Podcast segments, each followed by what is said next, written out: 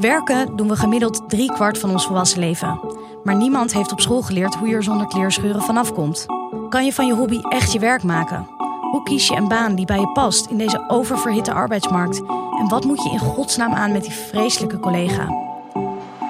Koffie, e-mail, meeting, lekker 9 tot 5. Uurtje, factuurtje, je patentje met mijn laptop, kijk mij. Als ik geen burn-out heb gehad, hoor ik er dan nog wel bij. Hoe vind ik mijn rol in de maatschappij? Lekker gewerkt, Hey, eh, zal ik even lekker gewerkt. Lekker gewerkt, Ja, trouwens wel één lekker Er gewerkt, geen eh, budget. lekker gewerkt. Dit is Lekker Gewerkt. De podcast voor iedereen die werkt en wel eens denkt: waar de fuck ben ik mee bezig? Ik ben Frida. Na zes jaar knallen in het bedrijfsleven ben ik nu startende als freelancer. Tjerk verruilde zijn vaste baan voor een onzeker bestaan als ondernemer in het familiebedrijf. En Victor is TikTok-ster in wording, heeft na zijn studie nooit een echte baan gehad en vindt het daar nu toch wel tijd voor worden. In Lekker Gewerkt nemen we je wekelijks mee in onze zoektocht naar het ultieme werkgeluk. Want dat bestaat wel, toch? Deze aflevering hebben we het over salaris. Heb je er veel of weinig van? Hoe belangrijk vind je het? En hoe ga je erover in gesprek? Maar voordat we met dit waanzinnige onderwerp eh, aan de slag gaan, hoe was jullie week, jongens? Ja, een goede week gehad. Ik vind dat we ook wel even mogen benoemen dat we drie dagen op rij in de top 10 hebben gestaan in de Spotify Charge van Ja. podcast. Ja? 25 vonden we al een hele mooie score. Maar toen ging hij hoger, hoger. En toen zijn we nog even, even blijven staan ook. Het ging maar door. Dus dat vond Ja. ik wel een klopje op de eigen schouder waard. Ik vind dat ook hartstikke leuk. Vooral omdat ik me dan voorstel wie al die mensen zijn die dat allemaal luisteren. Ja, En waar die allemaal zitten en op welk moment van de dag ze aan het luisteren zijn. Dat wil ik dan helemaal weten. gek hè? We zullen het nooit weten waarschijnlijk. Nee, nou ja, ik heb wel we positieve verhalen gehad. Ook als ik op een verjaardag sta, dat mensen het even zeiden. Of via Instagram heb ik ook wel goede, goede berichten gehad. Ja, Dus positief dat mensen ook echt de tijd nemen om, om even te benoemen dat ze het leuk vinden. Of dat ze aan het luisteren zijn. Ja, de DM's staan open en we, en we, we checken alles. Toch tenminste, Frida checkt alles. op Instagram check ik alles. Jij bent onze Instagram. TikTok check, jij- check jij alles, toch? TikTok, ja, maar dat kun je niet DM'en. Dat is een beetje lastig. Dus, Kan dat niet? Nee, Ja, dit is echt een boomervraag, maar nee, dat kan niet. Maar wat misschien ook wel goed is ook, want eh, ik zou helemaal gek worden, denk ik. Anyway, fijne week gehad. Ik was wel een beetje in een internetrel terechtgekomen eh, afgelopen week. Ik weet niet of jullie het mee hebben gekregen. Nou, ik heb het voorbij zien komen in eh, onze chat. Maar ik ben echt heel benieuwd. Want het klonk heel groot. Maar ik heb echt geen idee. ik heb het een beetje voorbij zien komen. En ik zag het ook groter en groter worden. Van zeg Ja. maar een mini-fikkie tot soort van brand in het landhuis. Ja, het was. eh of, of, ik dacht dat je over mij had, een mini-fikkie. Maar. eh, dacht ik ook, ja. Nee, het was. Ik, ik kwam via een story van een vriend van mij. Die had een filmpje van de Vondel Gym gerepost. eh, met wat fuck haha erbij. Dus ik zou kijken. En ik opende dat filmpje. Ik dacht gewoon dat ik een soort van Koefnoe sketch aan het kijken was. Ik zag een soort van zweefteefachtige vrouw. Dus in Vondel Gym, voor mij best wel een juppe tent is. En die was een beetje aan het beweren dat ze hip-hop eh, heruitgevonden hadden. Of eh, gereclaimed hadden. Eh, Nou, ze legde vooral uit waarom hip-hop heel erg paste bij het concept. Heel erg paste bij het concept van, van Vondel Gym ook. Eh, en ik vond het gedaan. Want ik, ik keek ernaar. Ik dacht gewoon echt dat het een soort grap was. Of een soort van humoristische sketch. Maar het was dus gewoon. Ja, echt. En soort- hip-hop, gewoon het genre hip-hop hip past erbij. Ja, ja, ze van ja, we draaien eigenlijk alleen maar hip-hop. En dat past gewoon zo goed bij, bij de cultuur hier. Ik, ja, het was gewoon een raar filmpje. Ik vond het gewoon grappig en een beetje. Ja, dus ik had het gewoon gedeeld omdat ik het grappig vond. Eh, Maar je had het niet alleen gedeeld, je had er ook een soort van voice-over bij gezet, toch? Van, ja, ik had- oh, ik dit vind wel- ik ervan. Ik had wel gewoon Een eh, TikTok-laagje overheen gedaan. Ik had, ik had gewoon gezegd van, waar, zit ik naar te kijken? Wat de fuck is dit? Toen op een gegeven moment kwam ik erachter, want ik had heel veel mensen die daar ook op hadden gereageerd. Of daarmee bezig waren, dat zij comments aan het verwijderen waren. Want heel veel mensen hadden er een soort van kritiek op, maar dan meer in de cultural appropriation zijde, waar ik niet per se heel erg mee bezig was. Ik vond, Dat Marije de hip-hop naar zich toe trok. ja, omdat zij dus een soort van, ze had, dus gezegd dat ze die, die, die cultuur gereclaimed hadden. En over de kleding hadden ook heel veel mensen iets te zeggen. Eh anyhow, toen op een gegeven moment hadden ze mij ook geblokkeerd op Instagram, kwam ik achter. En toen dacht ik, ja, dan, dan kun je het krijgen ook. Want je gaat volgens mij niet als merk mensen die kritiek leveren op iets, die comments verwijderen en dan blokkeren. Dus toen had zij ook dat filmpje verwijderd op een gegeven moment. Toen dacht ik, ja, nu krijgen ook. Had ik dat hele filmpje op TikTok gezet, want ik had helemaal gescreen record. Eh, en daar wel een beetje commentaar bij gegeven van, zo ga je niet om met je socials als bedrijf zijnde. Dat ging nog viraler dan het eerste filmpje. Eh, en toen eh, heeft Ik daar... zag wel ook heel grappig dat iemand het ook had gerepost en daar had bijgezet. Een kakker die ehm, een jup de maat neemt. En dat vond ik ook heel vrij geestig. Zo raar mensen mij een kakker vinden altijd, maar ik ben het meeste vrij schoolkind wat je, wat je kan voorstellen. Maar ik snap wel dat mensen dat denken als ze jou horen. Ja, ik, ik, ja, ik weet niet waar het vandaan komt. Ja. Nou, eh, je hebt Ja. op zo'n vrije school gezeten dat je zelf je accent mocht uitkiezen, Ja, of niet? ja, of misschien is de, de, de, de vrije school volgens mij misschien wel kakker zelfs al. Tegenwoordig zeker wel, want die komen ook allemaal in een Urban Arrow eh, Ja, aanzetten. Maar ja, het was best wel een relletje geworden. En die, die, die Marije heet zij, die in dat filmpje zat. Die eh, heeft ook best veel shit over zich heen gekregen. Dus dat was niet zo leuk. Volgens mij heeft hij echt best wel haat DM's gekregen. En, en mensen die echt eh, vonden dat ze helemaal verkeerd bezig was. Maar Fik, wat vind je er dan van dat je nu eh, op een bepaalde manier toch ook wel invloed hebt? Want dat lijkt me ook best wel spannend. En ja, Ja. hoe ga je daarmee om? Ja, het was ook wel raar. Want dat filmpje stond echt al twee, drie weken online. Dat had nog geen haan naar gekruid volgens mij. En toen werd ineens helemaal... op Twitter had iemand ook weer gerepost. Ik vond het raar, zeg maar, omdat ik... eh, ik had het alleen gerepost en ook het grappig vond. Ik vond het gewoon een sketch, een meme. Ik vond dat fatu, dus ik had het online gezet. Ehm, maar toen eh, Kitty Herwij bijvoorbeeld, ik weet niet of je haar kent, zo'n Nee. columnist, die had het gerepost op Twitter. En die had daarbij gezet, eh, wat had ze daarbij gezet? Denk dat Arie Boomsma en zijn Vondelgym vandaag gecanceld worden. En dat is helemaal terecht met zijn juppenhel. Ja, prima, moet zij lekker zeggen. Maar het was wel iets heftiger dan dat. Terwijl dat je helemaal niet jouw doel was om hen te cancelen als, als, eh als kijk, team, zij- of wel? Nee, zeker nee, natuurlijk niet. Maar, zeg maar zij mag dat reposten en ervan van zeggen wat zij wil. En ik vind haar een aardige vrouw. Maar eh, daardoor gaan mensen ook heel erg denken dat dat mijn woorden zijn. En in de comments vielen heel veel mensen over die cultural appropriation. En dat ze de black culture, I don't know. Eh, en als er zo'n hele comment sectie helemaal mee vol staat, dan gaan mensen ook weer denken dat ik dat denk. Dus op een gegeven moment werden mensen ook weer boos op mij. Dat ik een soort van black following probeerde te krijgen over... Oh ja, wat Zo. vind je dat dan erg? Of, of komt dat Nee, bij je binnen? Nee, niet echt. Vond je het stressvol? Eh, nee, nee, ik vond het eigenlijk wel entertaining. Ik vond het wel echt sneu voor haar, hoor, moet ik er wel bij zeggen. Maar ehm, ja, wat, wat mensen tegen haar zeggen is natuurlijk niet... Zou je het volgende keer anders doen? Of iets, eh, ja. Nee, nee, maar ik denk ook sowieso als je voor een camera staat... en je, je doet dingen voor een camera en je post dat... dan ja, het het is gewoon risico van de fuck mensen wat van vinden, toch? Zeg maar, en de ene keer krijg je reeds hartstikke leuk. En als mensen kritiek hebben, dan, dan moet je er ook mee, eh, mee dealen. Het kan ook zo hard gaan, dat is natuurlijk het probleem. Ja. Maar jij doet iets en op een gegeven moment ontploft het bijna. Terwijl jij, jij, jij hebt een hele kleine actie gedaan. Ja. Toch ben je een onderdeel ervan. Ik vind ook heel erg een verschil tussen of iets vanuit een bedrijf gepost wordt of vanuit een persoon die bijvoorbeeld eigenlijk best wel weinig following heeft en dat eigenlijk gewoon voor zijn eigen privékring deelt, zeg Ja. maar. Of je die persoon in de spotlight zet of Ja. bedrijfscommunicatie vind ik ook wel een heel groot verschil. Ja, en dat is ook wat ik had eigenlijk Vondel Jim een beetje te kakker gezet door om dat filmpje te lachen. Maar uiteindelijk gingen alle pijlen natuurlijk op die vrouw die in dat filmpje zat. Ja.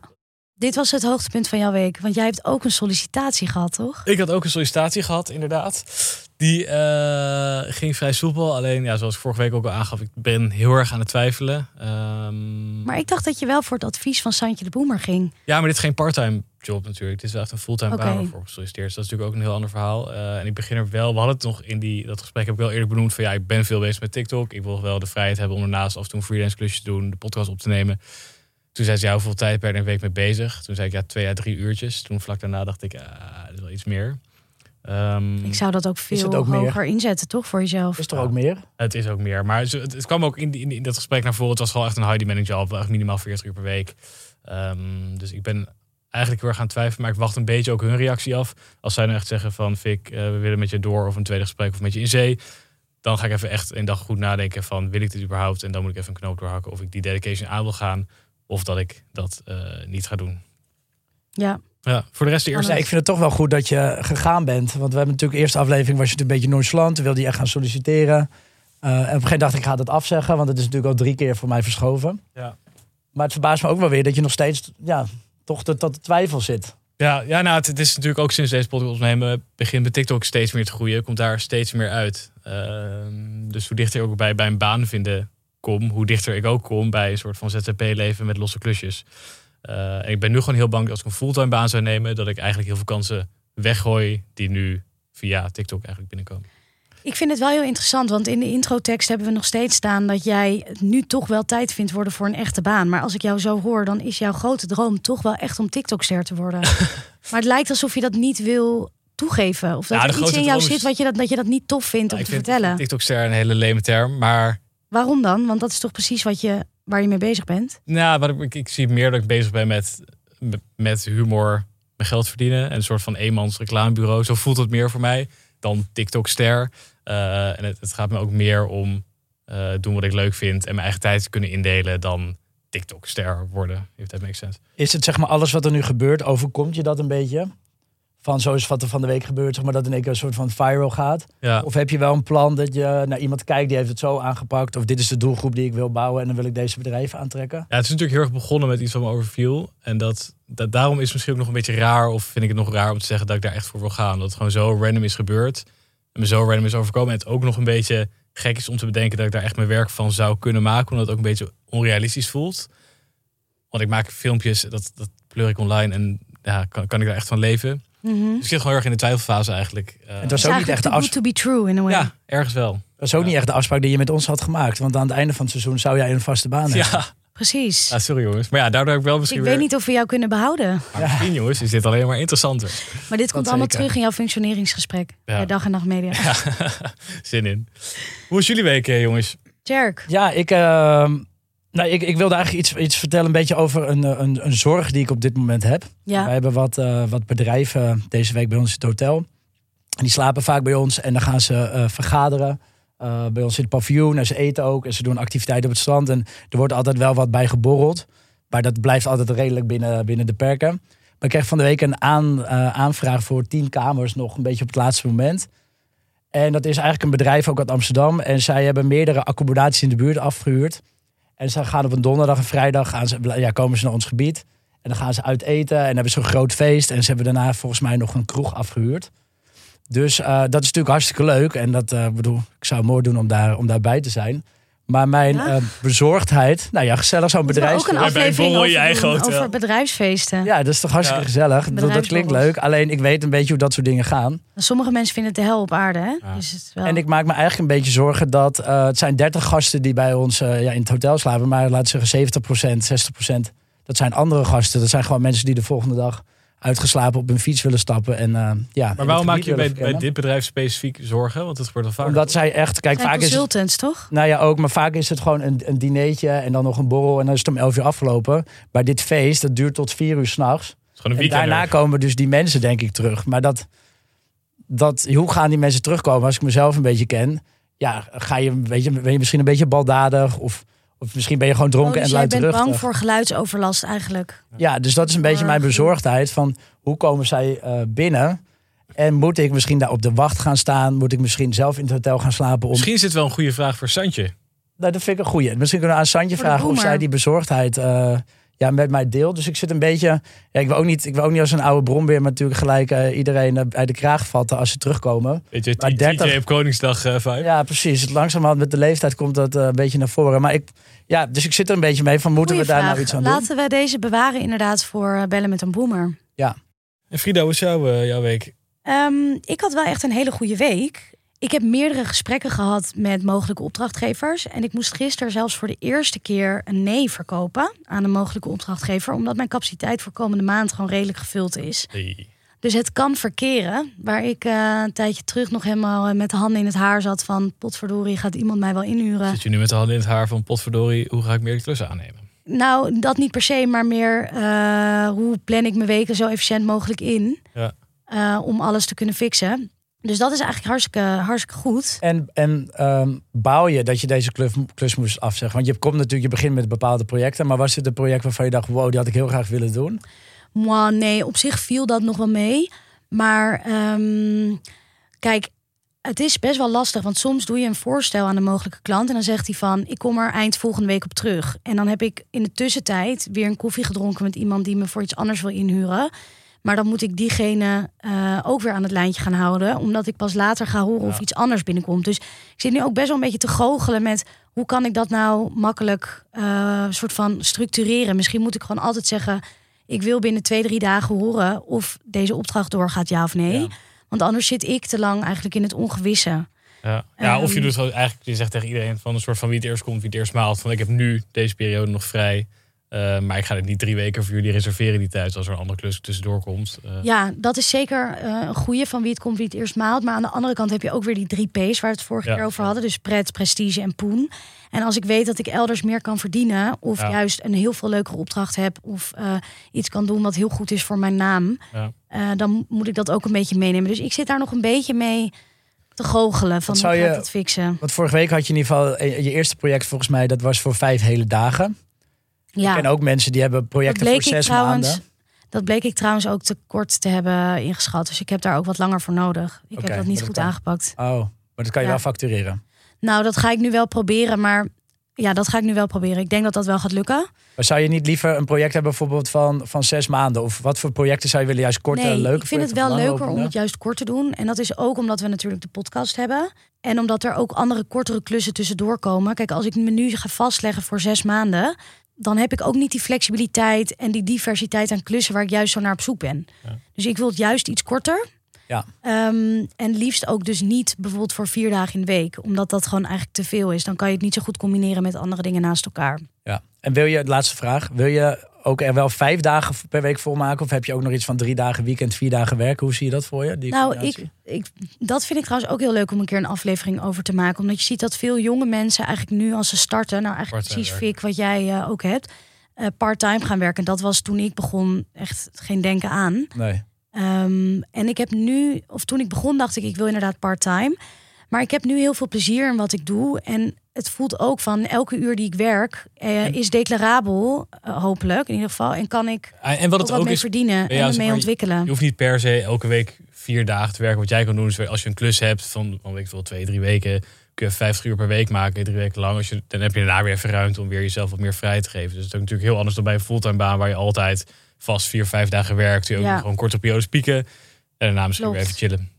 Nou, bijvoorbeeld ook afgelopen maandag was een vrije Eh, toen heb ik gewoon gewerkt, omdat ik gewoon zin had om te werken. Dus dan hoef je daar ook niet zoveel van aan te trekken. En dan Nee, neem ik op was- een andere dag, als het mooi weer is, wel is weer echt een die vrije dag. flexibiliteit is natuurlijk het, het allerlekkerste natuurlijk. Precies, Was je niet een beetje brak eh, maandag, Frida? Want ik kwam, ja, het was al zaterdag dat ik jou tegenkwam. Nou, ik wil wel inderdaad mijn nieuws even afronden met een vreselijk punt. Namelijk dat mijn katers tegenwoordig twee dagen duren. En dat vind ik echt verschrikkelijk. Ja. Dus ik was zaterdag inderdaad naar een festival, wat heel gezellig was. En zondag moest ik daar een beetje van bijkomen. En maandag was ik dus wel aan het werk, maar voelde ik me gewoon nog niet helemaal super. En dat is wel echt nieuw voor mij. eerlijk Maar- gezegd. Niet helemaal super, zeg maar. Waar moet ik aan denken? Zeg, ben jij echt op zoek naar dat je weer helemaal eh, fluitend wakker wordt? Of is het gewoon dat je nog een beetje denkt van... nou, oké, ik, voel, ik voel dat het weekend net over is. Eh, ik wil dan wel fluitend wakker worden. Ik heb ook wel gesport, omdat ik wel dan vind, ik moet hier even doorheen. Ja. Maar dat gaat dan niet van harte. Ja, ik, weet- ik, vind, ja, ik heb meestal wel hoor, die tweede dag. zeg Maar ik voel me altijd wel gewoon weer ready. Maar ik, ik word nooit Oh, jij hebt dat ook. dag Oké. Ja, als je, wakker. als je Goddank, ben ik niet op vrijdag of zaterdag wat gedaan hebt... en zondag ben je brak, dan kan je op maandag... ja, misschien ligt het aan maandag... dan kan je je alsnog best wel be- beroerd voelen, toch? Of beroerd. Maandag blijft ook gewoon maandag, toch? Ja, ja ik heb dat daar niet meer. Ik ben eh, alle dagen van de week een beetje kwijt. Dat is maar mijn voordeel. Met eh, het hotel bedoel je, met werken? Ja, want ik kon echt, eh, nou wat je zegt, maandag is maandag. Ik kon echt, weet je, elke dag had een soort van gevoel. Van maandag was natuurlijk ellende. En dan Ja. woensdag ging je echt de andere kant op. En vrijdag was bijna gewoon een euforisch gevoel. Ehm, en dat vind ik echt een van de leukste dingen dat ik nu heb. Ik werk ook in het weekend. Maar ik heb eigenlijk heel vaak, dan denk ik van welke dag is het nou eigenlijk vandaag? Of dan zit ik in de auto op maandag en dan weet ik dat iedereen zich rot voelt. Of hoor je dat op de radio. Maar dat heb ik minder. Zeg maar die Maar heb je indeling dan van niet dat je werk eigenlijk dat je altijd aan het werk bent? Dus ja, hoe fijn is dat dan? Want dan heb je ook nooit een moment dat je echt helemaal uitcheckt. Eh, ja, natuurlijk, dat is een, een andere vraag. Maar wat ik echt wel fijn vind, is dat ik niet zo die weken zo aan het, aan het af. Het zijn altijd die standaard weken, of dan is het Pinkster, dan is het Hemelvaart. En voor mij is het nu een soort van, het loopt veel soepeler door elkaar Dat is heen. ook inderdaad wel jammer wat Dat vind ik heel fijn. Want die, die gemeenschappelijke vrijdag-euforie, die voel je ook gewoon als je, weet ik wel, vrijdag rond uur of vijf, zes door de stad fietst. Ja. Ook wel, wel lekker hoor. Lijkt me ook wel jammer duurt als jij niet dan lang. weet van, nee, dat is waar. Zo duurt een paar lang. uur en dan word je wakker en dan is het maandag. En dan ben jij aan het lachen. Wie het laatst En dan zit ik fluitend in Ja. mijn auto, ja. Hey, en ik had dus ook een post op Insta gedeeld deze week. Omdat ik natuurlijk met eh Santje, de boomer, had gesproken over wel of niet gaan voor een werkruimte. En ik heb daar best wel veel reacties op gekregen. Dus daar eh, ga ik aankomende week ook een aantal bezoeken Leuk. voor plannen bij mogelijke kantoren. Eh, waar ook andere freelancers zitten. Dus daar heb ik super veel zin in. Het gaf me ook heel veel energie om daar eh, eh, leuke reacties op te krijgen van mensen. Die bijvoorbeeld al bij een leuke plek zitten waar ik eh, aan kan Of schuiven. van die coworking spaces het. Ja, maar dus wel voor bijvoorbeeld een mannetje of tien. Of vrouwtje Oh, of leuk. tien. Laat je Ja. dan ook leiden door de personen die dat naar je sturen? Of kijk je heel erg naar de je, locatie zelf? als jij het had gestuurd, had, had, überhaupt niet naar gekeken, denk ik. Dan kan ik af en toe komen zitten bij jouw Je mag, kamperduin. je mag, best, je mag ook bij, bij mijn huis komen zitten in Amsterdam. Ja, dat is dus precies waar ik niet naar op zoek ben. Ja. Ehm, nou, ik laat me leiden door de locatie, hoe duur het is, hoe het eruit ziet, maar ook de mensen die er zitten en wat ze voor werk doen. Dus een beetje een combinatie. Mag ik dit heel even je aanhouden? Wat vind ik nou echt leuk? Ik ben echt zo lekker aan het knallen van de KPI. Wat vind ik in godsnaam... Het onderwerp van vandaag, salaris. Salaris. Hoe belangrijk vinden jullie salaris? En hoe belangrijk is het ook bij het kiezen van werk?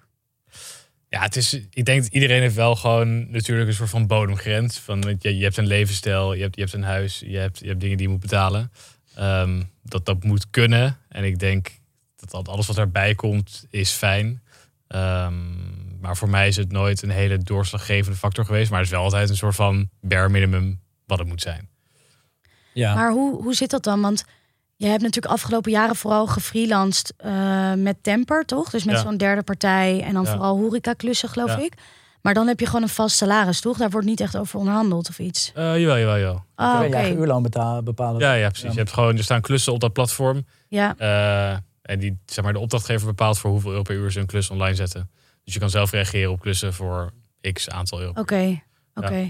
Aan de ene kant is salaris heel belangrijk. Want eh, het biedt je mogelijkheid, om bijvoorbeeld een huis te kopen. Om ja, misschien bepaalde dingen aan te schaffen die nodig zijn om een soort van basis zeg maar, voor je levensonderhoud te creëren. Maar je moet je ook weer niet te veel erdoor laten leiden. Want toen ik bijvoorbeeld bij Booking ging solliciteren, toen liet ik me niet per se helemaal leiden door het salaris. Dacht, vet bedrijf, kan ik veel leren. Maar eigenlijk dat ik daar zat, toen ja, het verdiende best wel goed en ik maakte echt grote stappen, kon ik een huis kopen. Eh, en daarom kan ik nu kon ik de beslissing nemen om bijvoorbeeld in het familiebedrijf te stappen. Waar ik achteruit ben gaan met salaris. Maar dat kon echt bijna alleen maar omdat ik mijn huis had gekocht. Ik had geld gespaard. Dus het is een beetje dubbel. Het is Had je natuurlijk het leuk. anders denk je niet gedaan? Nou, dan was het dan moeilijker geweest. Omdat, Omdat je, je dan. nu soort van je schaapjes op het droog had. Dus je kon dat risico wel nemen. Ja, want anders zit ik met een hele hoge huur zometeen. Het duurt een paar jaar voordat je misschien dan wat kan kopen. Dan ben ik zometeen 4, 35. Ik woonde met mensen nog samen toen, wat heel leuk was. Maar ik dacht, ik was toen 29. Dacht, wil ik niet op mijn 35ste nog. Ik bedoel, als Ja. het zo is, dan is het ook prima. Maar je hebt toch een soort doel voor ogen.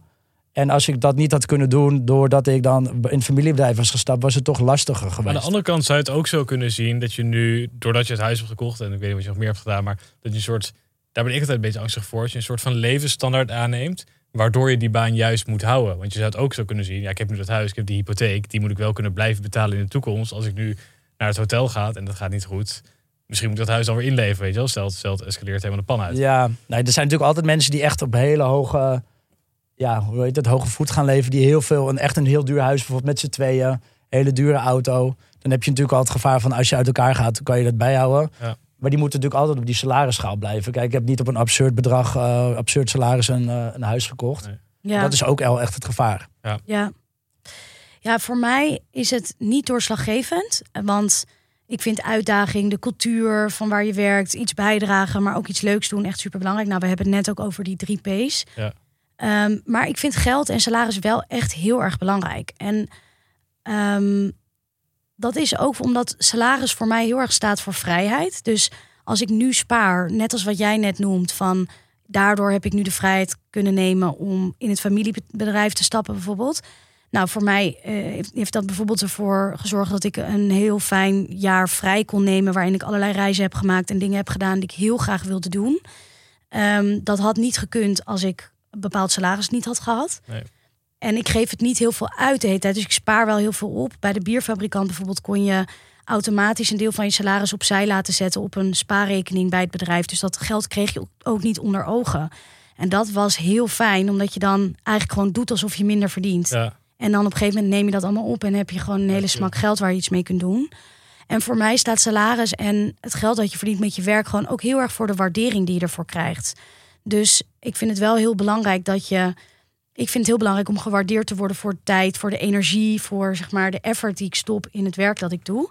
Ja. Ik vind ook leuk die vrijheid die jij benoemt. Van dan kun je een keer een reis maken of een keer vrij nemen of lang opsparen en dan voor, een, voor een hoger doel. Maar het is natuurlijk ook gewoon op een veel kleinere schaal. Want je kan zeggen, ja, het is maar geld of zo. Maar ja, geld is wel gewoon letterlijk alles. Het is een, het is een broek die je wil kopen. Het zijn het aantal biertjes wat je in de koel kan drinken. Of je een keer een weekendje weg kan. Ja, Maar het is eigenlijk wel gewoon letterlijk alles wat je doet of wil hebben of gaat doen. Kost wel geld. Frida, dat je bij de biergigant zat. Heb jij toen getwijfeld om bijvoorbeeld weg te gaan omdat je misschien minder zou gaan verdienen? Is dat een factor geweest die jou lang heeft laten zitten daar? Nee, maar ik heb wel eh, gedacht toen ik in Duitsland werkte voor de biergigant.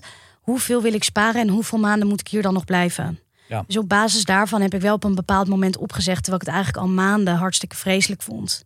Als geld voor mij nul rol had gespeeld, dan had ik al veel eerder opgezegd. Maar die laatste maanden dacht ik, die pak ik er nog even bij. Want ik spaarde daar extra goed, omdat ik ook als expat werkte.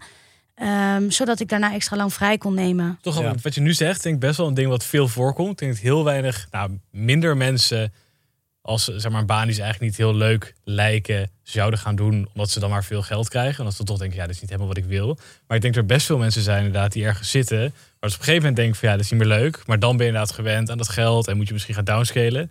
Dus ik denk dat heel veel voorkomt, dat mensen toch blijven zitten voor het geld. En dat dat dan Ja. uiteindelijk wel de enige motivatie is die overblijft. Het interessante inderdaad daarvan vind ik ook dat werkgevers dus eigenlijk zichzelf ook in de hiel schieten door met veel te betalen. Omdat je dan ook eh, de kans hebt dat je mensen hebt die blijven zitten die eigenlijk helemaal niet Ja. gemotiveerd zijn voor het werk wat ze doen. Ja, Interessant. want ehm, het is wel wat jij ook zegt, ja, Frida. Jij bent aan het sparen omdat je een paar maanden weg wilt. Ik ben op een gegeven moment gaan sparen omdat ik een huis wilde kopen. Maar misschien zolang je een soort doel voor ogen hebt van dit wil ik bereiken. En daarna eventueel wat anders kan gaan doen. Dat is natuurlijk prima. Als je natuurlijk een hele hoge levensstandaard aan gaat meten. Wat eigenlijk Constant blijvend zo is. constant is. ja, dan wordt het Ja. misschien lastig, zeg maar. Ja. Hoe is dat voor jou, Victor? Want bij jou is het natuurlijk, het fluctueert heel erg. Ja, ik heb nu best wel, ik geef niet zoveel uit. Ik heb best wel lage levensstandaard. Ik Hoe denk, kan dat? ik vergeleken met jullie geef ik niet. Nou, ik heb geluk met mijn huur. Dat is gewoon niet zoveel geld. Dat is denk ik 500, 600 euro per maand alles bij elkaar. En voor de rest, ja, ik geef niet zoveel uit. Ik heb geen auto. Ik heb, ik heb weinig abonnementen, relatief. Ga jij wel eens uit eten bijvoorbeeld? Ja, maar niet vaak. Ik denk één keer in de twee weken of zo. Oh ja. Ehm, en dat vind ik, ik vind het ook niet erg. Ik mis het ook niet. erg. Ik vind het ook wel leuk. Zeg maar, als ik dan ga, zeg maar, mijn soort van vriendin is daar ook best wel bescheiden in. En als we dan gaan, is het ook echt een feestje. Weet je wel? Dat vind ik, ik vind het ook prima. Ik hoef ook niet. Het is eigenlijk wel heel leuk, want heb jij ooit, ooit je levensstandaard aangepast vanaf studententijd naar nu? Zeg maar, is daar heel veel in veranderd in je uitgavenpatroon? Nee, eigenlijk, eigenlijk niet echt. Nee, ja, het enige, het enige verschil is dat ik toen natuurlijk ook heel veel leende. Dus daar gaf ik wel geld uit wat niet van mij was. En nu verdien ik wel al het geld wat ik uitgeef ook zelf. Maar ik, ik ben ook wel benieuwd, want we hebben nu het over hoeveel we hebben verdiend. Maar wat is het, wat het laagste dat jullie ooit verdiend hebben? Het meest ondankbare werk wat jullie ooit hebben gedaan. Ik denk zelf had ik een keer, eh, toen ik 15 was, voor het eerst werkte in de afwas. In een herenhuis, ik kom uit Zutphen was dat. En die afwaskeuken was boven in het gebouw. Dus je had beneden in een soort gangetje zit de bediening in kratjes. En er zitten al die borden en alles neer. En het, was een groot restaurant, echt al 50, 60 tafels. En dan moest je dus, was een herenhuis, trap van denk ik 25, 30 treden. Moest je dus als 15-jarig dun jongetje, moest je dus die trap af. staat ook geen strips of zo op, zo'n gladde houten trap. Moest je al die shit pakken in kratjes, al die borden naar boven tillen, daar allemaal afwassen en weer naar beneden brengen. 3,50 per uur.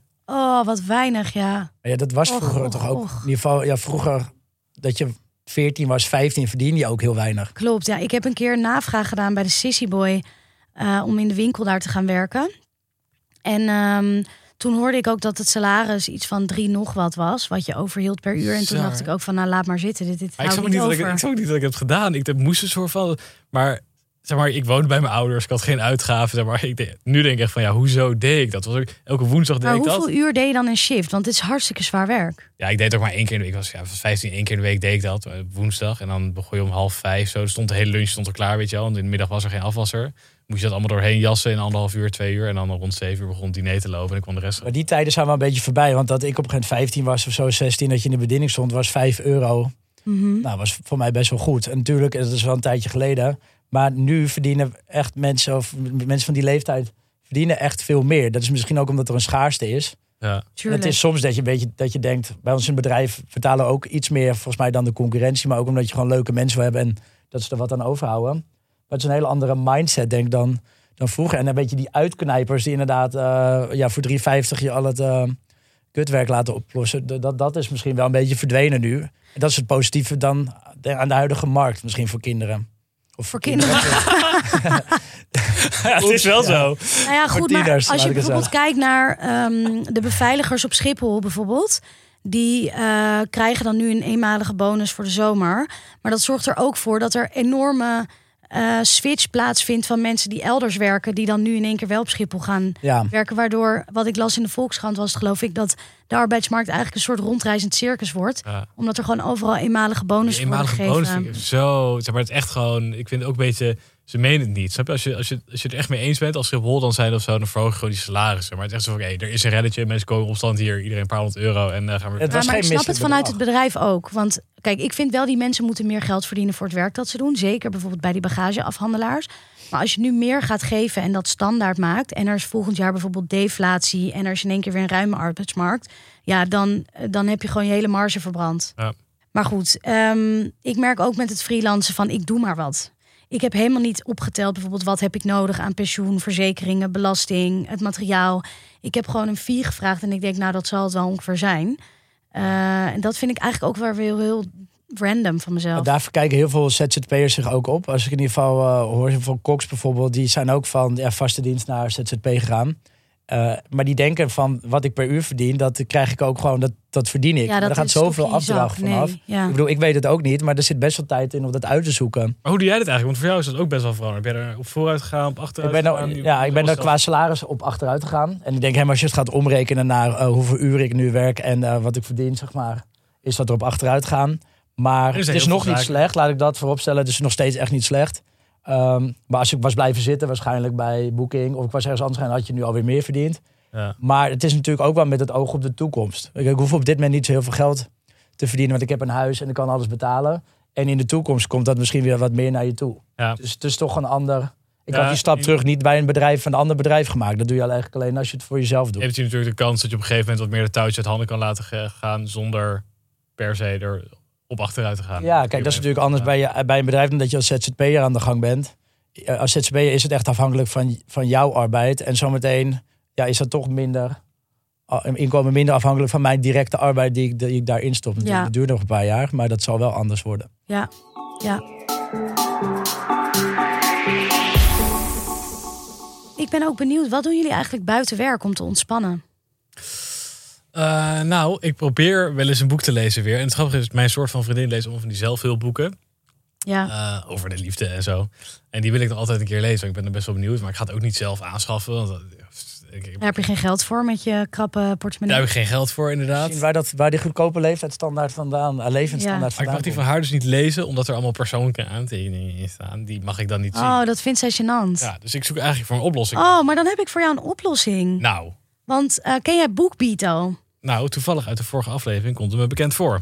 Nou, het is een nieuwe luisterboek- en e-book app in Nederland... waarop je toegang hebt tot echt mega veel boeken, 500.000. En ehm, het is super makkelijk, want je kan het gebruiken op... eh, nou, zelfs op je Apple Watch, maar ook gewoon op je telefoon, op je iPad, op je e-reader, you name it. kijken, de, de zelfhulpboeken die zijn eh, vertegenwoordigd. Oh, nou, dus misschien is dit helemaal wat voor jou. Eh, nou, een abonnement start al bij 8,99 euro per maand. Maar je kan het nu een maand gratis proberen via de kortingscode Lekker Gewerkt. Een maand lang gratis je kennis verrijken door lekker te lezen en te luisteren. Precies. Dat is voor mij ook wel een goede, want eh, dat was wel een voornemen van mij om toch weer weer te gaan lezen. Dus Ja. eh, Jij zat op een bankje in het bos laatst, toch? Nou, dan kan ik mijn app meenemen. wat doen Ja. men op bankjes in het bos Kijk. inderdaad? Een Lezen. boekje lezen of een boekje luisteren. En deze Oh aflevering is heel erg bijzonder, want wij gaan na deze aflevering een nachtje met elkaar weg Ja. via Surprise Me. Surprise me, ja. Wij Ja. gaan direct na deze aflevering gaan we de trein in, maar we weten dus nog niet naartoe. Maar we gaan het wel. Mag ik het doen? Ja, Oh. Jij mag het ontrollen, maar heel even Surprise Me is dus eh, een bedrijf en die sturen jou een weekendje weg. En dat kan je bij hen boeken en je weet dus niet waar je naartoe gaat. Dat hoor je een aantal uur van tevoren. Je krijgt wel een weerbericht. Je kan kiezen met de Ehm, trein, het vliegtuig of met de auto. Precies. En het is eigenlijk heel lekker, want je hoeft zelf niks meer te regelen. Zeg maar, je, je gaat je ook niet druk maken van wat gaan we nou doen, want je weet niet waar je heen gaat. Dus Precies. gewoon lekker go with flow. Ik hoorde van de week iemand die naar Budapest was geweest. Dat leek me wel heel leuk. Maar wij zijn natuurlijk, wij blijven binnen Nederland. Maar Ja. er zitten dus echt leuke. Ja, nou ik vind het juist heel leuk dat we binnen Nederland blijven. Want ik denk dat er nog heel veel plekken zijn die nog onontdekt zijn. Dus heel Ja. veel zin om dat met jullie te gaan. eh. En we gaan dus direct na Oh. deze opname gaan wij de trein in. Waarheen, Ja. dat weten we nog niet. De luisteraar kan het nu ook zelf proberen met 50 euro korting op dus een verrassingsreis. Als je boekt via de link die bij ons in de show notes staan. Fik, take it away. Waar gaan we heen? Take it away. Nou, we gaan zo meteen de trein in na deze opname. Oh, hebben, we al gezegd, hebben we al gezegd waar we denken dat we heen gaan? Nee, Ik weet maar daar hebben we ook geen tijd voor. Eh, ik denk iets zuidelijks. Maar laten, laten, we, laten we checken. Zijn jullie klaar? Ja, Ik moet een soort. Oh, ik moet het logo tekenen. Van. Jezus, dit is lastig. Ik moet het logo. Oké, daar gaan we. Vijf, vier, drie. Hij telt af. Twee, één. Wij gaan naar... Ja, we gaan naar Amsterdam Centraal, dat wist ik. We gaan daar overnachten. Achter het station. bankje. Ga naar ons hulscherm, ja. Nou, moet ik nog een keer tekenen? Jeetje. Oké, Jeetje, ik hou het niet langer uit. Ik, Ik vind het het ook te niet langer spannend. hij gaat weer We stappen aftellen. dus gelijk naar de opname in de trein, hè? 5, 4, 3, 2, 1. We gaan naar Zeg. Deventer. Oh, Deventer. leuk. Ben ik nog nooit geweest. Geen idee wat ik daar moet verwachten. Nee, ik ook niet. Dat is leuk, want hoort een vriend van mij. Misschien kunnen we een mooie, mooie kroegentocht eh, georganiseerd Oh, krijgen. leuk. Of gaat TJ dat doen? Ja, ik dat vind zeg- dat, dat is eh, wel dat mijn, eh, een, eh, Ja, mijn eilandje natuurlijk. Wow, leuk. Maar en zijn jullie hier wel eens eerder geweest? Ik ben daar heel vaak. Ja, ik kom uit Zutphen, dus ik ben heel wat heel veel vrienden Deventer. Dus ik, ik was daar eh, regelmatig te vinden. Dus ik ken de weg wel. Ik kan Oh, dat is wel heel leuk. Ja, we hebben een eh, gids dan bij ons. Ja, ja zeker. Ja, nou, ik heb er heel veel zin in. Hoe vind ik mijn rol in de maatschappij? Onderhandelen over salaris. Hoe pakken jullie dat aan? Hebben jullie het wel eens gedaan eigenlijk? Nou, onderhandelen bij, voor salaris. Ik heb bij mijn ja, eerste echte onderhandeling, dus dat was ook wel voor boeking. Toen kreeg ik een, een aanbieding. Maar ja, je bent toch nog een beetje onzeker van, ja, ja, is dit het nou? Is het het bedrag wat ik krijg, is het nou goed? Toen heb ik toch besloten om, eh, om een tegenbod te doen. Want ik, het zat ook commercial owner heten. Dus dat was, zat ook in de Dat was de rol van jou. Ja, dus ik dacht, ik moet misschien commercieel gaan denken. Eh, toen heb ik een tegenbod gedaan en dat werd ook weer geaccepteerd. Dus in dat opzicht heb ik het wel toen gedaan. En daarna viel er eigenlijk niet zo heel veel meer te onderhandelen. Hoeveel zat je dan erboven per, per op durf ik jaarlijkse echt niet meer te basis? zeggen eigenlijk wat dat toen... eh, Maar wat ik wel heel interessant vind, is onderhandelen bij je eerste baan. Heb je dan al eigenlijk goede argumenten op basis waarvan je kan zeggen dat je meer verdient dan wat jou wordt aangeboden? Hoe heb je dat toen aangepakt? Kan ik wel op inhaken. Want ik heb eh, ook bij mijn enige baan die ik ooit heb gehad. eh, ik was toen in gesprek met meerdere eh, op, opdrachtgevers. Nee, opdrachtgevers. Met meerdere bedrijven eigenlijk. Werkgevers. werken. Ja, werkgevers. Ehm, eh, op een gegeven moment was met dus dat reclamebureau waar ik heb gewerkt, ging de onderhandeling best wel snel. We hadden één gesprek gehad. Toen zei ze meteen, nou, wij, wij vonden het wel nice. Dus je kan wel beginnen eh, over twee weken als je wil. Toen heb ik tegen hun gezegd van, ik vond het ook super leuk. Ik wil graag voor jullie gaan werken. Maar als ik nu ja zeg tegen jullie, dan ja, ik heb nog wat lijntjes uitstaan. Die knip ik dan wel door, zeg maar, voor jullie. En ik weet nu nog niet wat daaruit zou komen en of ze, snap je? Dus ik zeg ja, ik wil voor jullie gaan, maar daar offer ik ook iets voor op. Eh, en daarom, als ik jullie met dit tegenbod akkoord gaan, eh, dan voel ik mij ook gewoon confident erover dat ik. Maar wat offer je op? Want je moet toch op een gegeven moment een keuze maken. Of je wilde toch ook zelf een keuze maken op een gegeven moment voor een werkgever? Ja, maar ik heb wel heel veel informatie die ik nog niet wist van die andere partijen waar ik mee Bijvoorbeeld wat ze betalen. wat ze betaalden, wat zij precies. Ja, ik had die gesprekken nog, die, die liepen nog. Of ik had nog, nog pas één gesprek gehad. Dus ik zei, ja, er, er- er is gewoon heel veel wat ik nog niet weet van die anderen. En als ik nu meteen al voor jullie teken, zonder dat ik de tijd heb genomen om echt al die dingen uit te spelen, ehm, dan, dan, dan neem ik wel een risico. Dat wil ik graag doen, maar wel voor dit. En is laat, Wat mooi, was dan dit? Was dit het tegenbod? ja, precies. Dit was dan een tegenbod. Dus je hebt zowel het, een, een bedrag als tegenbod gedaan... als ook wel een soort van het switch gekeerd... van er zijn nog andere lijntjes die ik open heb... om Ja. die druk eh, te verhogen. Ja, en het leuke is dat ik later van HR heb gehoord en ook van mijn manager dat het door zeg maar, degene die over ging of ik werd aangenomen, dat het heel erg werd gewaardeerd. En dat het wel assertiv- assertiviteit liet zien. Eh, en ik was natuurlijk ook accountmanager, dus dan heb je ook wel veel met onderhandelingen te maken met je klanten waar je mee werkt eh, en dergelijke. Eh, dus ik denk, ik zou zeggen, altijd onderhandelen. Ook al is het maar om een klein percentage erop, al helemaal als je een commerciële rol gaat doen. Ehm, het laat gewoon zien dat jij assertief bent. En als je die commerciële rol krijgt, dan uiteindelijk moet je dat ook gaan gebruiken voor je werk. Dus in, in, in opdracht van Ja. het bedrijf. Ja. Dus ik denk dat het wel. eh, Ja, ik vind dat wel een hele interessante. Want ik hoorde ook laatst een verhaal over een jongen bij een bedrijf eh, waar een vriend van mij werkt. En die eh, had zo ver over getoept eigenlijk in de onderhandeling eh, van een functioneringsgesprek. Dus hij werkte er wel al. Eh, maar daar werd toen zo raar naar gekeken van hoe durf jij dit te vragen? Je bent dat helemaal niet waard. Dat uiteindelijk het bedrijf niet meer met hem verder wilde op basis van hoe hij die onderhandeling was ingegaan. Maar hij was er gewoon echt te, te sterk ingegaan. Nou, te sterk. Hij, wel, hij had gewoon veel te hoog ingezet voor Ja. de skills die hij had en voor de waarde zeg maar, die hij toevoegde aan het bedrijf. Dus je moet daarin heel goed, denk ik, ook kunnen beargumenteren wat jij waard bent en waarom. En het ligt, ja, precies dat. En het ligt ook een beetje aan de attitude die je hebt. Hè? Want zoals ik het bijvoorbeeld die ene keer had gedaan. Ik heb gezegd, ja, ik zit gewoon in deze situatie. Er zijn andere interessante dingen aan de hand. Ik wil super graag voor jullie aan de slag. Maar ik lever er wel iets voor in. Of eh, iets, iets, iets hypothetisch lever ik daarvoor in. Eh, dat is natuurlijk ook anders dan dat je zegt van ja, nee, ik ga alleen voor dit werk. Snap je? En dat is natuurlijk een heel extreem voorbeeld. Eh, Ja. Maar je attitude en met hoeveel procent je over je oorspronkelijke aanbod heen biedt. Maar dat is ook interessant. Van de, het eerste aanbod is gelijk een eikpunt van waaruit je gaat onderhandelen. Ja. En ehm, dan is het dus eigenlijk wel goed om hoger in te zetten dan wat je wil hebben. Ja. Maar goed, hoeveel hoger dan dat je inderdaad wil? Dat is denk Want- ik best wel lastig. Ja, jij bij de, bij de biergigant meerdere keren ja, ben je van functie gewisseld volgens mij. Ja. Iedere keer gesolliciteerd. Hoe was het bij jullie qua onderhandelingsruimte? Was die er of waren het gewoon allemaal standaard schalen? Nee, het waren standaard schalen. Dus toen we er ook gingen werken, of toen ik er ging werken als eh, trainee, toen werd dus ook gezegd van er is niet te onderhandelen. Nou, dat heb ik dus toen ook helemaal niet gedaan. Maar ik moet eerlijk zeggen dat ik daar gewoon vanaf het begin hartstikke goed verdiende, vond ik zelf. Dus Ja.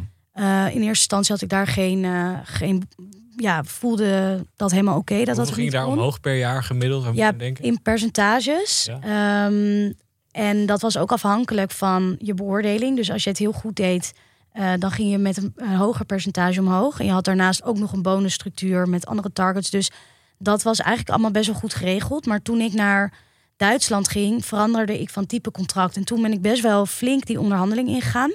En ehm, ik wilde op een bepaalde schaal daar binnenkomen. Eh, want zo'n schaal bepaalt ook wat soort van je minimum salaris dan is. Mhm. Eh, en dat had ook met mijn ervaring te maken die ik op dat moment al had. En over eh, het aantal mensen dat ik daar ging managen en zo.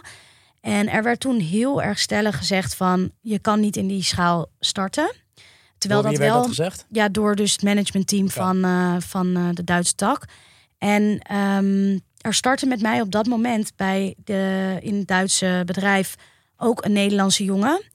Eh, en die heeft dat wel gekregen. Terwijl hij vanuit een lagere schaal kwam dan ik. En ook minder, ehm, eigenlijk minder credentials had om naar die schaal te gaan. Maar het is hem wel gelukt en mij niet. En eigenlijk heb ik daar toen op dat moment niet zo bij stilgestaan. Maar ik heb me later eigenlijk pas gerealiseerd hoe ongelooflijk oneerlijk dat was. En dat ze eigenlijk gewoon een soort van lulverhaal tegen mij hadden opgehangen. En dat voor hem wel hadden gefixt.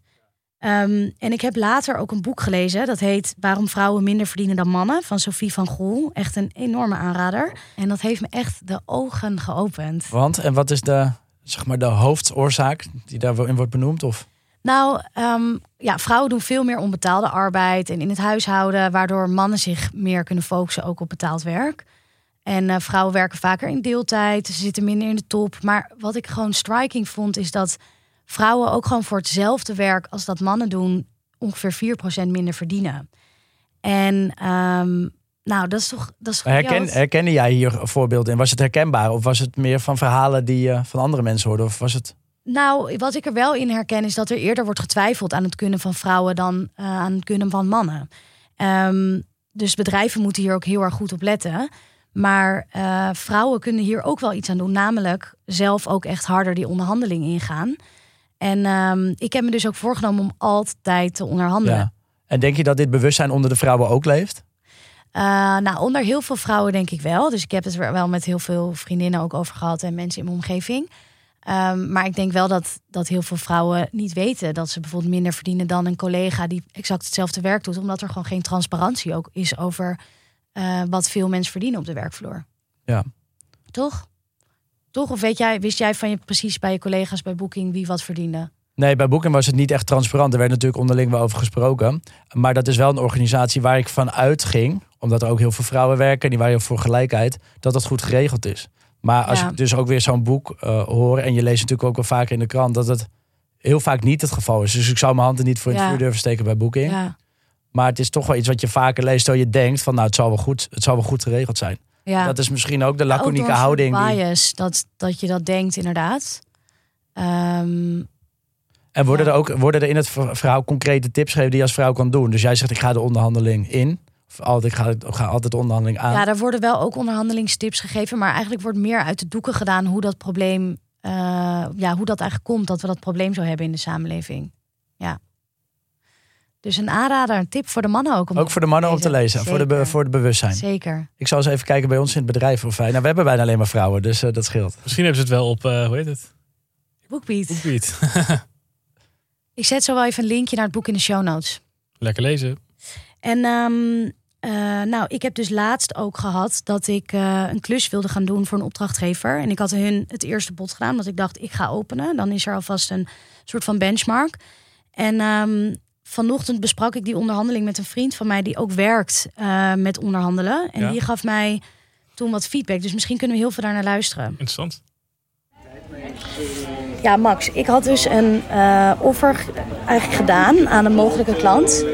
En ehm, zij zijn daar, zij hebben een tegenbod gedaan. En eigenlijk hebben ze toen gelijk gezegd, er valt hier niet over te onderhandelen. Dit is gewoon onze maximale prijs. Oké. En we hebben ook nog iemand anders die het mogelijk ook wil doen voor die prijs. Dus we willen liever jou. En laat ons weten of je dat doet. En toen heb, ben ik daar eigenlijk dus al gelijk mee akkoord gegaan. Want ik dacht van, ze hebben niks meer. En ik moet nu ja zeggen, want anders gaan ze voor die ander. De vraag is natuurlijk of ze überhaupt een ander hebben. Of dat ze het alleen proberen om druk bij jou te verhogen. Ja, true. Dus zij doen alsof ze een ander hebben. Maar dat even terzijde, dat weet je natuurlijk niet. Nee. Ehm, je moet wel natuurlijk wel oppassen dat je niet te veel macht geeft. Ehm, want als freelancer denk je altijd... Oh shit, straks gaan ze met iemand anders vandoor. Ja, Ehm, je wil de deur natuurlijk niet op de kier zetten door aan te geven dat je bereid bent te onderhandelen. Kijk, iemand die overtuigd is van zijn eigen prijs, die hoeft zich daarna niet te verantwoorden. ja, dat heb ik wel gedaan. Dus dat zou ik dan niet meer moeten doen. Nee, je moet proberen bij je standpunt te blijven. En En niet beargumenteren waarom ik een bepaalde prijs vraag. Dat is gewoon mijn prijs. dat is gewoon je prijs. Ja. En daarna een stil te laten vallen, dat gaat super oncomfortabel voelen. Ja, En degene vaak die dan als eerste praat, ik wil niet zeggen dat hij dan verliest, maar dat is degene die het minst goed tegen oncomfortabele gevoel kan. ja, ik ben wel echt iemand die niet makkelijk een stilte kan laten vallen. Dat weet ik. Toch moet ik je. Ja, interessant. Ik, Ik eh, vond het heel interessant om met hem daarover te hebben. Ook over hoe je dat dus in persoon aanpakt. Dat je even stilte laat vallen en gewoon... eh, dat laat denk ik ook zien hoe sterk je in je schoenen staat over wat je zelf waard leuk. bent. Ik ken een vriend van mij, die zit in de sales. En die, ik had laatst was met hem aan het praten ook over zijn werk een beetje. En hij zei precies dit.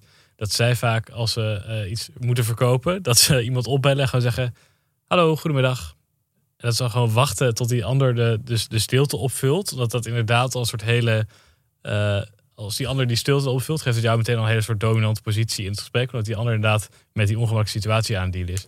Ja, Interessante, interessante. ja, Want uiteindelijk is die eerste onderhandeling die je hebt gedaan, waar je die korting had toegepast, ja, dat ging over die e-mail. Dus dan is het natuurlijk lastiger om zo een techniek toe te passen. klopt. En hier had ik een telefoongesprek. Dus Ja. eh, dat had ik wel kunnen doen. Is dat dan ook een tip, denk je, om zo'n onderhandeling via de telefoon te doen en niet via de e-mail? Nou, je kan je eerste bod via de mail doen. En als het heel ver uit elkaar ligt, of als zij een tegenbod doen via de e-mail, zou je ze daarna wel bijvoorbeeld kunnen opbellen om het nog even in heb de dat- telefoon te doen. Ik heb dat Ja. toen bij die dating app waar ik die klus die ik uiteindelijk dus niet heb gedaan, eh, heb ik ook uiteindelijk. Ik had eerst op de mail had zijn, ik had gezegd nee, ik ga het niet doen voor dat, deze bepaalde prijs. Als zij op de mail weer een tegenbod gedaan. En toen heb ik ze wel echt bewust gebeld met mijn tegenbod. Ehm, Dus misschien Ja. is dat ook een goeie. Dus e-mail starten en daarna gewoon telefonisch Ja. afhandelen. het ligt natuurlijk ook een beetje aan je sterke en zwakke punten en waar, waar je Klopt. En of je fijn eh, uit je woorden komt, ja of nee. En, eh, We hebben deze week een professional van de week. Elke week hebben we een heel mooi werkverhaal van de luisteraar. Eh, en deze week ook. Laten we even luisteren. Professional van de week. Bij een nieuwe redactie waar ik voor ging werken, ging ik op een gegeven moment over mijn salaris onderhandelen. En voor mijn gevoel had ik eigenlijk er nog meer uit kunnen halen. Dus ik was ja, semi-tevreden. En op een gegeven moment, toen ik daar al een tijdje werkte, ging ik ehm, eh, met eh, andere redactieleden praten over hoeveel zij eigenlijk verdienen. Ging ik een beetje zo inventariseren. En toen kwam ik er dus achter dat ik het meeste verdiende van iedereen. En toen dacht ik, huh, volgens mij moeten jullie veel meer verdienen. En eh, moeten jullie op mijn niveau komen. Eh, en was ik een beetje verbaasd. En ik dacht ook, vet chill, dan heb ik het best wel goed onderhandeld. Maar op een gegeven moment, toen voelde ik druk. Want ik dacht, oh god, heb ik mijn huid nu te duur verkocht? En gaan ze nu veel meer van mij verwachten? En toen werd ik heel erg onzeker. Dus ergens was het heel erg fijn. Maar van de andere kant begon ik ook ongelooflijk te twijfelen. En dacht ik, hmm, is dit nou ook wel goed? Dus ik moet zeggen, voor mij was dat heel erg dubbel op dat moment. Ik vind dit super interessant. Ja, vraag Wat het me- met je doet, psychologisch, hoeveel je verdient. Ja, heeft ook met die waardering weer te maken. Ja, ik vraag me ook af aan de werkgeverkant. Stel je neemt drie mensen aan, een soort van vergelijkbare rol. Ik denk je hebt ook een soort van, oké, we zetten hierop in. En dit is de max tot waar we gaan, depending on hoe hard die andere persoon gaat onderhandelen. Eh, maar ik vraag me af, stel twee van, die, twee van die drie die gaan gewoon akkoord. En die derde, die onderhandelt een beetje, dus die, die zit er iets hoger in. ik denk ook niet dat die werkgever dan echt elke dag gaat kijken, van oké, maar die heeft onderhandeld, die verdient iets meer. Die, die moet beter zijn best doen of zo. Of denk je wel? Nou, ik denk wel dat je meer verwacht van iemand die jij ook meer geld geeft. Dus ik denk niet per se dat dat iets is waar je op dagelijkse basis mee bezig bent. Maar ik denk wel dat je het bijvoorbeeld in een functioneringsgesprek wel terug kunt horen. Of je echt delivert naar wat je hebt uitonderhandeld. Want dat lijkt me ook wel als je bijvoorbeeld echt een speciale skill hebt, wat eigenlijk ook een van, een van de vorige afleveringen werd besproken, dan mag je daar natuurlijk wat voor vragen. Ja, Als je natuurlijk bij een soort redactie bent en je doet misschien met z'n allen soortgelijke werkzaamheden, ja, ben jij dan echt veel meer waard dan de ander? Ja, dan moet je natuurlijk laten zien dat dat zo is. Ja. ja. Het is ook wel grappig dat je hele perceptie van hetzelfde geldbedrag, waarvan ze eigenlijk medium enthousiast was eh, over hoe ze uit die onderhandeling was gekomen, dat, dat je dan kom je erachter dat je het meest verdient voor iedereen. En dan ben er niet heel blij mee. Dat is Ja. wel toch? Het als werkgever lijkt het me ook best wel spannend, want je weet dat er gewoon een groot verschil zit tussen eh, ja, de meeste werknemers en een andere persoon. En dat gaat uitkomen. Ja. Dus het is ook dat een risico ik wel die een hele neemt. interessante. En dat, dat brengt ons ook bij de volgende vraag van... Hoe makkelijk is het om te praten over salaris en geld? En is dat ook belangrijk om te doen met elkaar? Ik vind dat het wel transparanter mag. Ik ben zelf altijd eh, ja, open erover. Maar dat is ook omdat ik nog nooit eh, exceptioneel veel heb verdiend. Ik kan me ook voorstellen als je heel vroeg veel bedient, verdient. Of, of met, met een bepaald raar werk wat mensen niet begrijpen. Ik heb bijvoorbeeld een vriend, van mij die was piloot al op zijn twintigste. Nou, die verdient natuurlijk- veel meer dan al die andere eh, jongens. En ja, dat, dat is wel... Ik snap, ik snap dat het een beetje ongemakkelijk is. Als jij op zo'n jonge leeftijd al zoveel meer verdient dan iedereen om je heen. En je bent dan toch ook bang dat mensen... Durft hij daarover te praten of niet? Ja, en ja, iedereen wist het ook wel. En hij, hij zeg maar, als wel het er wel over. Hij ging niet in groepen gooien zo, maar ik, heb, ik, ik was altijd wel nieuwsgierig naar. En dan zei Ik denk dat het juist Ja. wat, wat moeilijker kan zijn als je echt minder verdient dan de rest. Dus er wordt door veel mensen... De, Omdat wordt je dan schaamt. ja, dat je denkt, heb ik het niet goed gedaan? Heb ik niet goed onderhandeld? Ben ik niet eh, goed genoeg? Ja, Ja. Ja, dus ik denk dat daar meer schaamte in zit dan dat je veel verdient. ja, Maar dat heeft natuurlijk ook heel erg te maken met bepaalde sectoren waar gewoon over het algemeen minder in verdiend wordt. Wat overigens heel vaak sectoren zijn waar ook veel vrouwen werken. Ja. Ik vind het super belangrijk ook dat er meer transparantie komt over wat mensen verdienen. Ten eerste omdat het gewoon best wel oneerlijk is om voor hetzelfde werk, als je dezelfde ervaringen hebt, eh, minder te verdienen. Ja. Ehm, en ik denk ook echt dat werknemers daar samen in op kunnen trekken. Dus als jij het voor jezelf houdt, dan, Ja. eh, dan is dat misschien voor jezelf wel fijn. Maar ja, je helpt er een ander helemaal niet mee. Nee, want dus als je voor dat jij weet dat je meer verdient... dan kan je ook denken, ik ga het niet zeggen tegen collega's... want dan, dan breekt de pleuris uit. Ja. Of je gaat zeggen, oké, voor het collectief... kunnen we zorgen dat we met z'n allen meer gaan verdienen. Precies. Maar ik vind het privé, zeg maar, in met vrienden en zo vond ik het ook wel een beetje gênant om het te vertellen. Omdat ik ook vrij jong vond dat ik echt wel heel veel geld verdiende.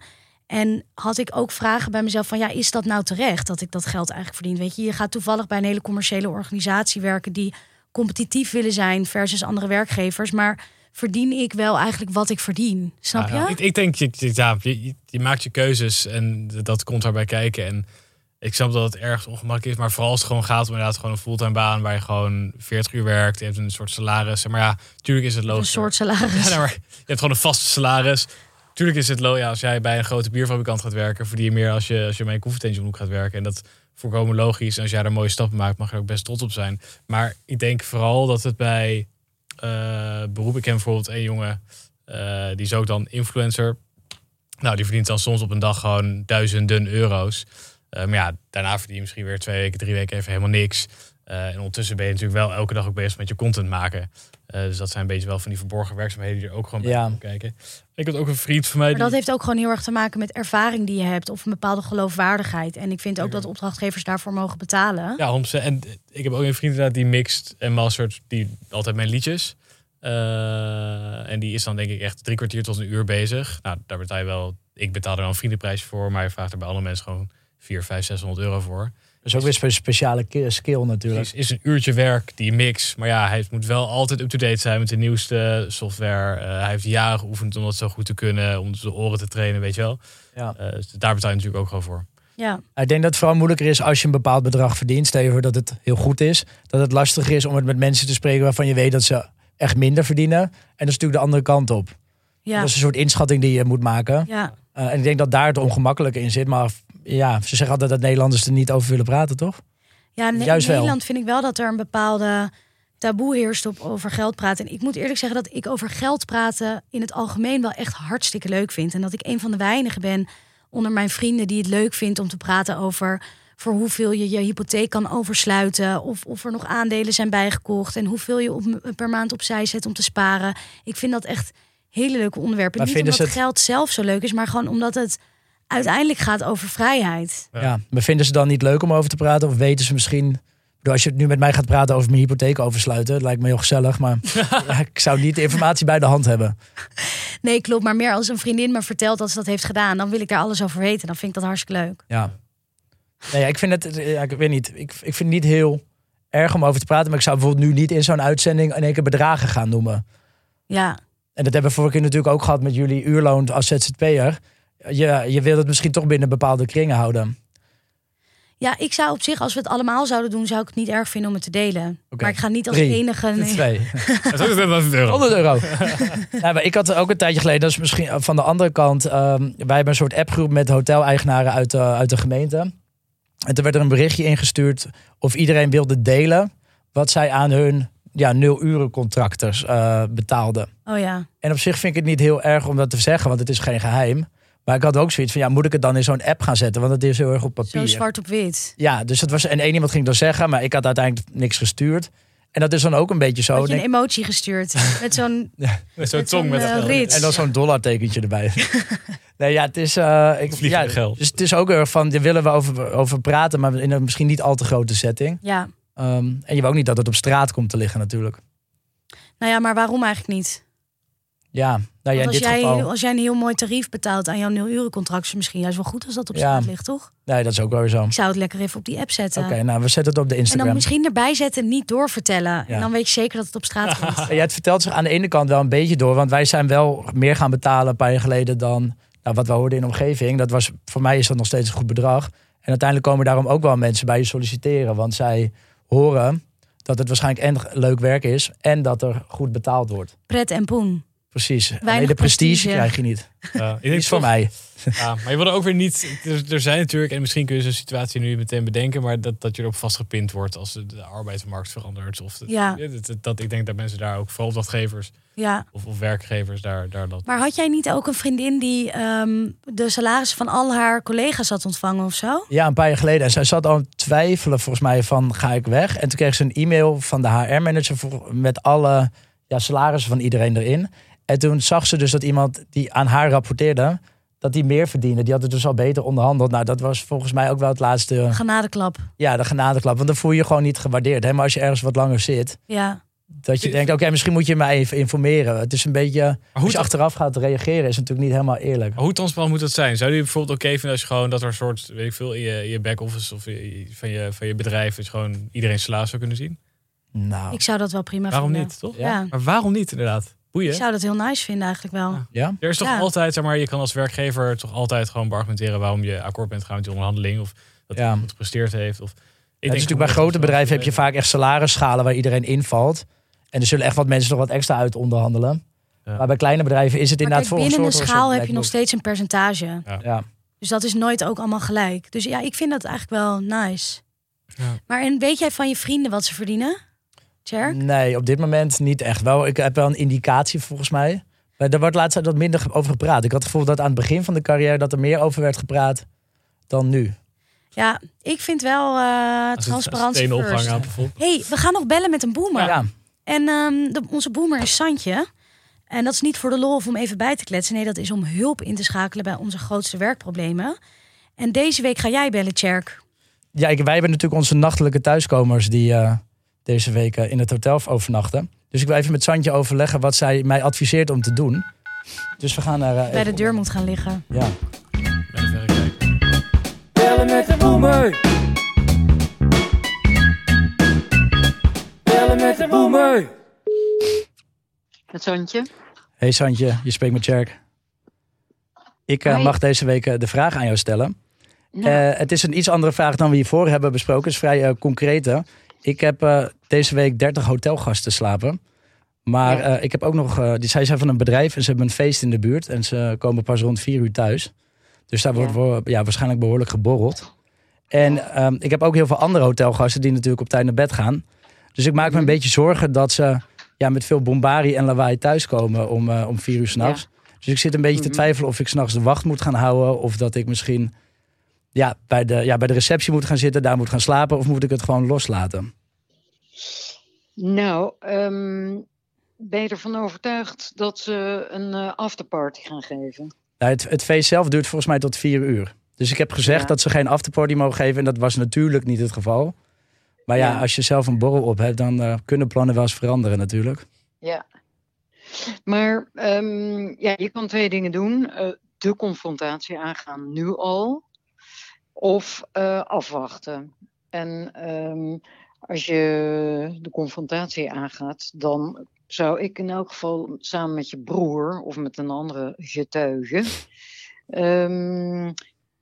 ons verantwoordelijk maken. Want ehm, dan kan je die ook eh, flink eh, te grazen nemen.